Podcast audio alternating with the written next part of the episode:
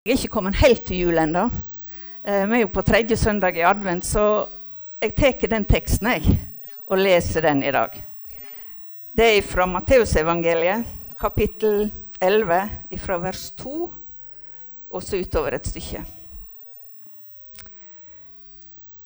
I fengselet fikk Johannes høre om alt Kristus gjorde. Han sendte båd med læresveinene sine og spurte er du den som skal komme eller skal vi vente en annen? Jesus svarer, Gå og fortell Johannes hva de hører og ser. Blinde ser, og lamme går. Spedalske blir reine, og døve hører, og døde står opp. Og den gode budskapen blir forkynt for fattige. Sel er den som ikke faller ifra på grunn av meg. Da de gikk bort, tok Jesus til å tale til folk om Johannes.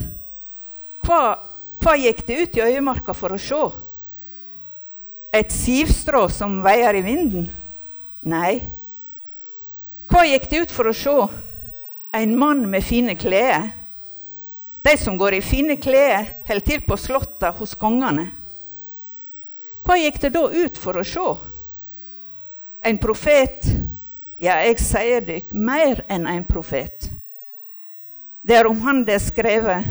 Sjå, jeg sender min båbærer føre deg. Han skal rydde veien for deg. Sannelig, jeg sier dykk, mellom de som er født av kvinner, har det aldri stått fram noen som er større enn døperen Johannes. Men den minste i himmelriket er større enn han. Det var dagens tekst. Det handla om døperen Johannes og Jesus om tvil, om tru og veirydding. Det er bare to personer som jeg vet navnet på, som følgde Jesus gjennom livet. Gjennom hele livet til Jesus. Det er Maria, mor hans, og det er døperen Johannes, som følger han nesten helt til slutt. Det er det, bare disse to som vi finner at både i fødselsfortellingene og i fortellingene om Jesus sitt voksne liv. Rett nok så det, kan det være flere, men de vet vi ikke noe sikkert om. Gjeterne på Betlehemsmarka de eh, var trolig pensjonert og hadde overlatt jobben sin til andre generasjoner. Vismennene de hadde reist østover igjen og pleie alderdommen sin der. De som var gamle da Jesus var født, var nok døde da han ble voksen. Til og med Josef er blitt borte. Vi hører ikke mer til han.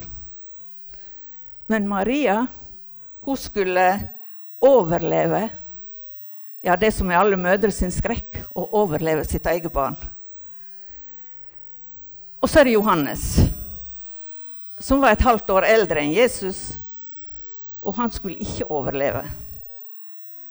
Ikke overleve Jesus. Men Johannes sitt liv eh, det var likevel alltid sammenfiltra, sammenvevd med Jesus sitt liv. Mødrene deres var gravide samtidig.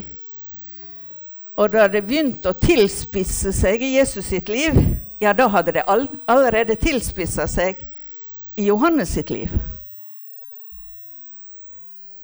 Men helt før Johannes var født, så hadde engelen sagt noe om livet hans. Helt fra mors liv så skulle han være fylt av Den hellige ande. Og han skulle få mange i Israel til å vende om til Herren. Og han skulle virke med samme ånd og kraft som profeten Elias hadde. Som voksen så flytta Johannes ut i øydemarka og levde som eremitt. Og rykta gikk jo overalt om den rare mannen, og folk strømde til for å høre han. Og han var ikke så redd for små, språkbruken sin. Han kalla dem både ormyngel og det som verre var. Og sa at de måtte være frukt og vise i praksis at de var omvendt. Han var konkret, han var direkte, og hvordan de skulle leve og ikke leve. Og Det var derfor han da etter hvert ble kasta i fengsel. Og så var det noen da som begynte å tro at Johannes kanskje var han som var Messias. Kanskje det var han var de gikk og venta på. Men han var tydelig på at det kommer en som er sterkere enn jeg. Og er, jeg er ikke engang verdig til å løse skoreimene hans. Han sa òg at han skal vokse, og jeg skal minke. Og så var Johannes kommet i fengsel. Og da plutselig begynner det å skje noe med han.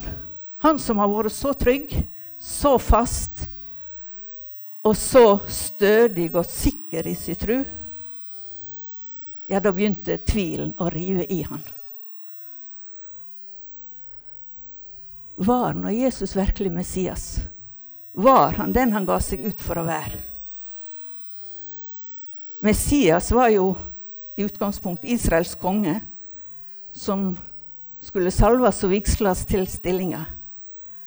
Og Messias var den som hele jødefolket venta på. Frelseren som skulle komme og gjenopprette det store Davidsriket i makt og herligdom, trodde de. Er du den som skal komme, eller skal vi vente en annen? Tenk deg at Johannes satt i fengsel med den tvilen. Han hadde proklamert så mye ute i ørkenen, og så plutselig satt han der i fangeholdet. Han hadde vært veirydder, han hadde pekt så tydelig på en annen. Og så begynner han å lure på om han virkelig har om han har tatt feil likevel. Jeg vet ikke om det har møtt tvilen når det begynner å surre både oppi hodet og inn igjen at er det noe sant? Er det dette? Det er ganske vondt og vanskelig. Johannes hadde kjent Jesus hele livet. Hatt sterke opplevelser med han.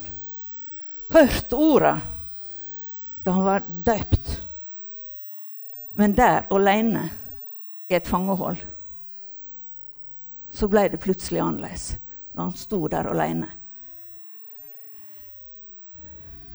Han hadde begynt å tru, tvile på det han en gang trodde på. Det han hadde vært så sikker på. Nå er ikke jeg av de som har slitt med mye tvil i mitt liv. Men jeg har møtt mennesker som har gjort det. Eh, som har slitt med tvil i den, i den grad at de har havna utenfor på trua. Er det nå sant? Og Hvis vi ser rundt oss i dagens samfunn, så er det sannelig ikke lettere å holde fast på trua. Det er så mye som drar oss vekk, som reiser tvil mot det vi har lært og er voksen opp med. Og så viser også Jesus seg ofte annerledes enn det vi kanskje har tenkt oss. Han er litt annerledes enn det vi ja, ser og tror. Og så begynner mange å kjenne på Er det mulig? Stemmer det? Er det sånn Gud er? Og da til teksten vår igjen. Og da gjør Johannes tre grep som jeg syns er både modig og viktige. For det første, hva er det Johannes gjør? Jo, han vedgår sin tvil. Um, han vedgår det for seg sjøl. Og vi vet at det vi vedgår, vedgår eller vedstår for oss sjøl, det kan vi gjøre noe med. Det vi ikke innrømmer, det er vanskeligere å gjøre noe med. Men det vi vedstår oss, det kan vi gjøre noe med. Um, det er ikke flaut å tvile. Det er ikke feil å tvile. Tvil er ikke det motsatte av å tro. Det er det vantrua som er. Det å ikke ville tro, det er noe annet. Men det at tvilen kommer, det kan vi gjøre noe med. Hvis en vedgår det. Og hva var det Johannes gjorde? Jo, han delte det med disiplene sine. Jeg syns det var ganske modig gjort. Læreren vedgår for de han underviser, at han tviler. Å snakke med andre når eh, tvil og usikkerhet kommer, det hjelper veldig ofte. En kan da få rydde opp i egne tanker, få litt system på det en tenker sjøl. Og så samtidig så kan en få høre hva andre tenker. Motstand er ikke nødvendigvis farlig eller skadelig. Um, de som trener muskler på treningssenteret Eller iallfall kan sikkert fysioterapeutene mer om dette enn meg. Men de vet at rett næring og rett motstand, det er viktig. Rett næring og rett motstand, ja, det kan faktisk gjøre oss sterkere. Ikke sant? Han nikker baki der. Rett næring og rett motstand kan gjøre oss sterkere. Og sånn òg i trua. Hvis vi alle tenker likt som meg sjøl, ja, så blir ikke en sterkere. Men får en litt motstand, så må en vurdere sin egen tro. Johannes han eh, delte med læresveinene sine at han tvilte. Og det tredje Johannes gjør, er at han sender disiplene sine han er stor nok til å våge å sende disiplene sine til Jesus. Når han ikke kunne ha svaret sjøl, så gikk han til Jesus med det. Og så ser vi det at når læresvennene kommer til Jesus på vegne av Johannes Og jeg tror at det var jo på vegne av seg sjøl òg når de var kommet så langt så eh, spør de Så får de verken ja eller nei til svar. Jesus er veldig flink til å svare sånn at de må tenke sjøl. Han gir ikke sånn en gang et klart svar. Han viser bare til de gjerningene som offentlig vitner om han. Blinde ser, lamme går, spedalske blir reine, og døve hører. Døde står opp og den gode budskapen blir forkynt for fattige. Det er jo fantastisk at folk blir friske av det Jesus gjør. At folk, til og med de fattige, får høre evangeliet. Og hvis en kjenner historien, som jødefolket gjorde, så vet de at Jesaja og profetene de hadde skrevet om Messias. Og går en til Jesaja, så vet en at der står det om at akkurat dette her. At blinde skal se, at lamme skal gå, og at spedalske skal bli rene. Det Jesus eh, sier, at se gjerningene, de vitner om det som er sagt. Johannes delte tvilen sin med læresveinene, og så kom de tilbake til han. Og så kunne de dele trua si med han. Eh, her om dagen denne veka fikk jeg en mail. Hva er det fineste med å være misjonær? Eh, jeg syns det var et spennende spørsmål. Eh, hva er det fineste med å være misjonær? Ja, og det fineste med å være misjonær, det er jo å møte mennesker som har oppdaga hvem Jesus er Oppdaga at når de kommer i kontakt og tror på denne Jesus, ja, så skjer det noe med dem. Jeg syns det har vært fantastisk å se alle de som har gått fra tvil til tro, blitt reist opp, fått nye liv og fått en ny reisning. De har reist seg opp. Du ser det fysisk på dem at de blir rettere i ryggen. Og så får de en ny glede i livet. Og det er jo noe av det som Jesus òg vil vise. de oppdager at når de oppdager hvem Jesus virkelig er, så oppdager de at de kan få nye liv. Og jeg tror at Johannes opplevde noe av dette når læresveinene kom og fortalte hva er det de har sett. da kobla han det med Den gamle testamentet, det han, det han hadde lært. Og så fikk han tak i gleden. Det står ikke her. Men det som er, står i teksten vår, er jo at den tvileren Johannes var, han ble løfta opp av Jesus. Jesus løfta fram Johannes sjøl om han tvilte. Det ble ikke noe negativt, men det ble løfta opp likevel. Han ble hylla, han ble løfta opp som den som skulle rydde og forby veien for Jesus. Og så sier Jesus om han mellom de som er født av kvinner, har det aldri stått fram noen som er større enn døperen Johannes. Det sier han om han som tviler. Det er et ganske sterk attest å få, tenker jeg. Og denne Johannes er det som kommer til oss nå i adventstida, som veirydder for Herren. Og da ble spørsmålet for meg to ting. Hvem har vært mine veiryddere? Hvem har rydda vei for Jesus i mitt liv? Gjennom mitt liv. Det er jo sånt jeg kan tenke på. Hvem har rydda vei for Jesus i ditt liv? Jeg måtte jo begynne tidlig. Jeg var våren til dåpen. Jeg lærte å be hjemme. Det var et grunnleggende viktig.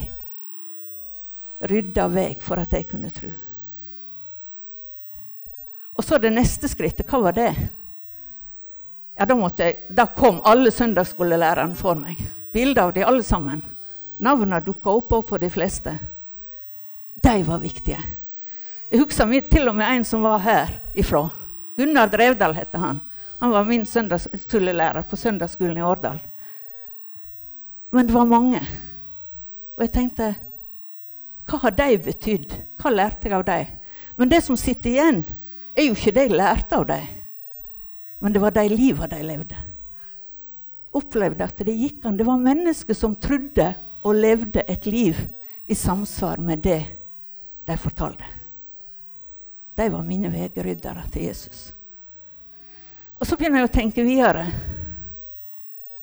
Hva var vi, vi, uh, viktig etterpå, da? Ja, det kunne være predikanter og prester, men det var ikke det. Det var vennene mine de som jeg var sammen med i laget og i ungdomsklubben, de var veldig viktige. De rydda veien for meg til min tro.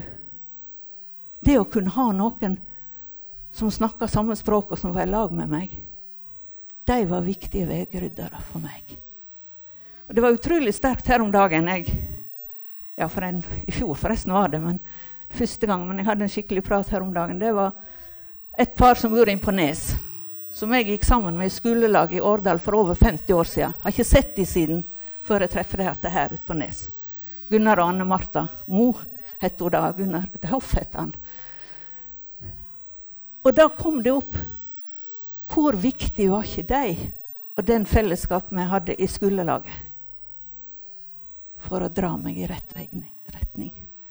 Og det at vi fikk dele det nå, fem, over 50 år siden men så kjenner, kommer det tilbake, og så kjenner en Du verden, hvor viktig det var. Det fellesskapet med de som jeg var i lag med den gangen. De åpna vei. Ikke bare inn til Jesus, det første skrittet, men vi trenger jo noen som viser oss vei hele livet. Iallfall trenger jeg det. Jeg klarer ikke å gå alene. For det kommer tørkeperioder, men så må jeg ha de der som viser meg vei. Og så er det noen da, som er sånne praktikere, som viser i praktisk handling hva de tror på. Og da har jeg ei i Brasil som var veldig sånn Hun var ikke teoretiker, hun var praktiker. Helga het hun.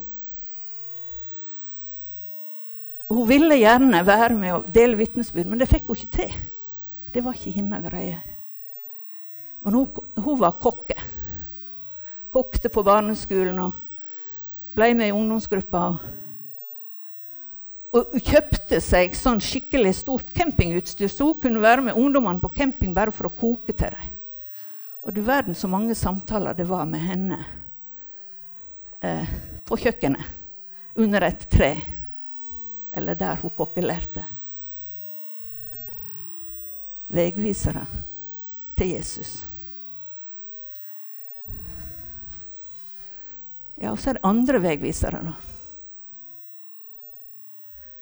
Jeg er alltid glad i å lese, til og med teologisk litteratur. Men der har jeg mange. For tiden leser jeg Peter Halldorf. Han som klarer å koble sammen både tanke og tro på en måte som river oss med. River meg med. Pinsepredikant som lever i kloster i Sverige. Det passer ikke sammen, men sånn er det. Han klarer å koble noe som fenger meg, og som åpner både for tro og tanke, for hjerte og hode. Veirydder til Jesus. Og jeg trenger disse hele veien. Og så, så blir det spørsmål den andre veien. Er jeg veirydder for Jesus? For det er jo utfordringer, ikke sant? Vi er kalla til å være veiryddere for Jesus i de sammenhengene vi er. Jeg tror jeg har fått være veirydder for Jesus for mange. Jeg reiser til Brasil i dag og, eller i morgen. Og jeg vet at jeg møter mange av de som jeg har fått lov å være med og rydde veien for. De lever godt videre nå. Men fikk lov å være med i en prosess. Og så tenker jeg i dag Nå er jeg her i all verden, hvordan kan en være veigrydder for Jesus der vi bor, i de sammenhengene vi er? Og det blir den utfordringa jeg kommer til å slutte med. Hvordan kan vi være veigrydder for Jesus i dag? I de sammenhengene vi står. Og Det må hver enkelt av oss svare på. Jesus kunne bruke tvileren Johannes. Han kan bruke oss. Må Gud velsigne oss til å stå på vår plass, både nå i adventstida og inn mot jul. Amen.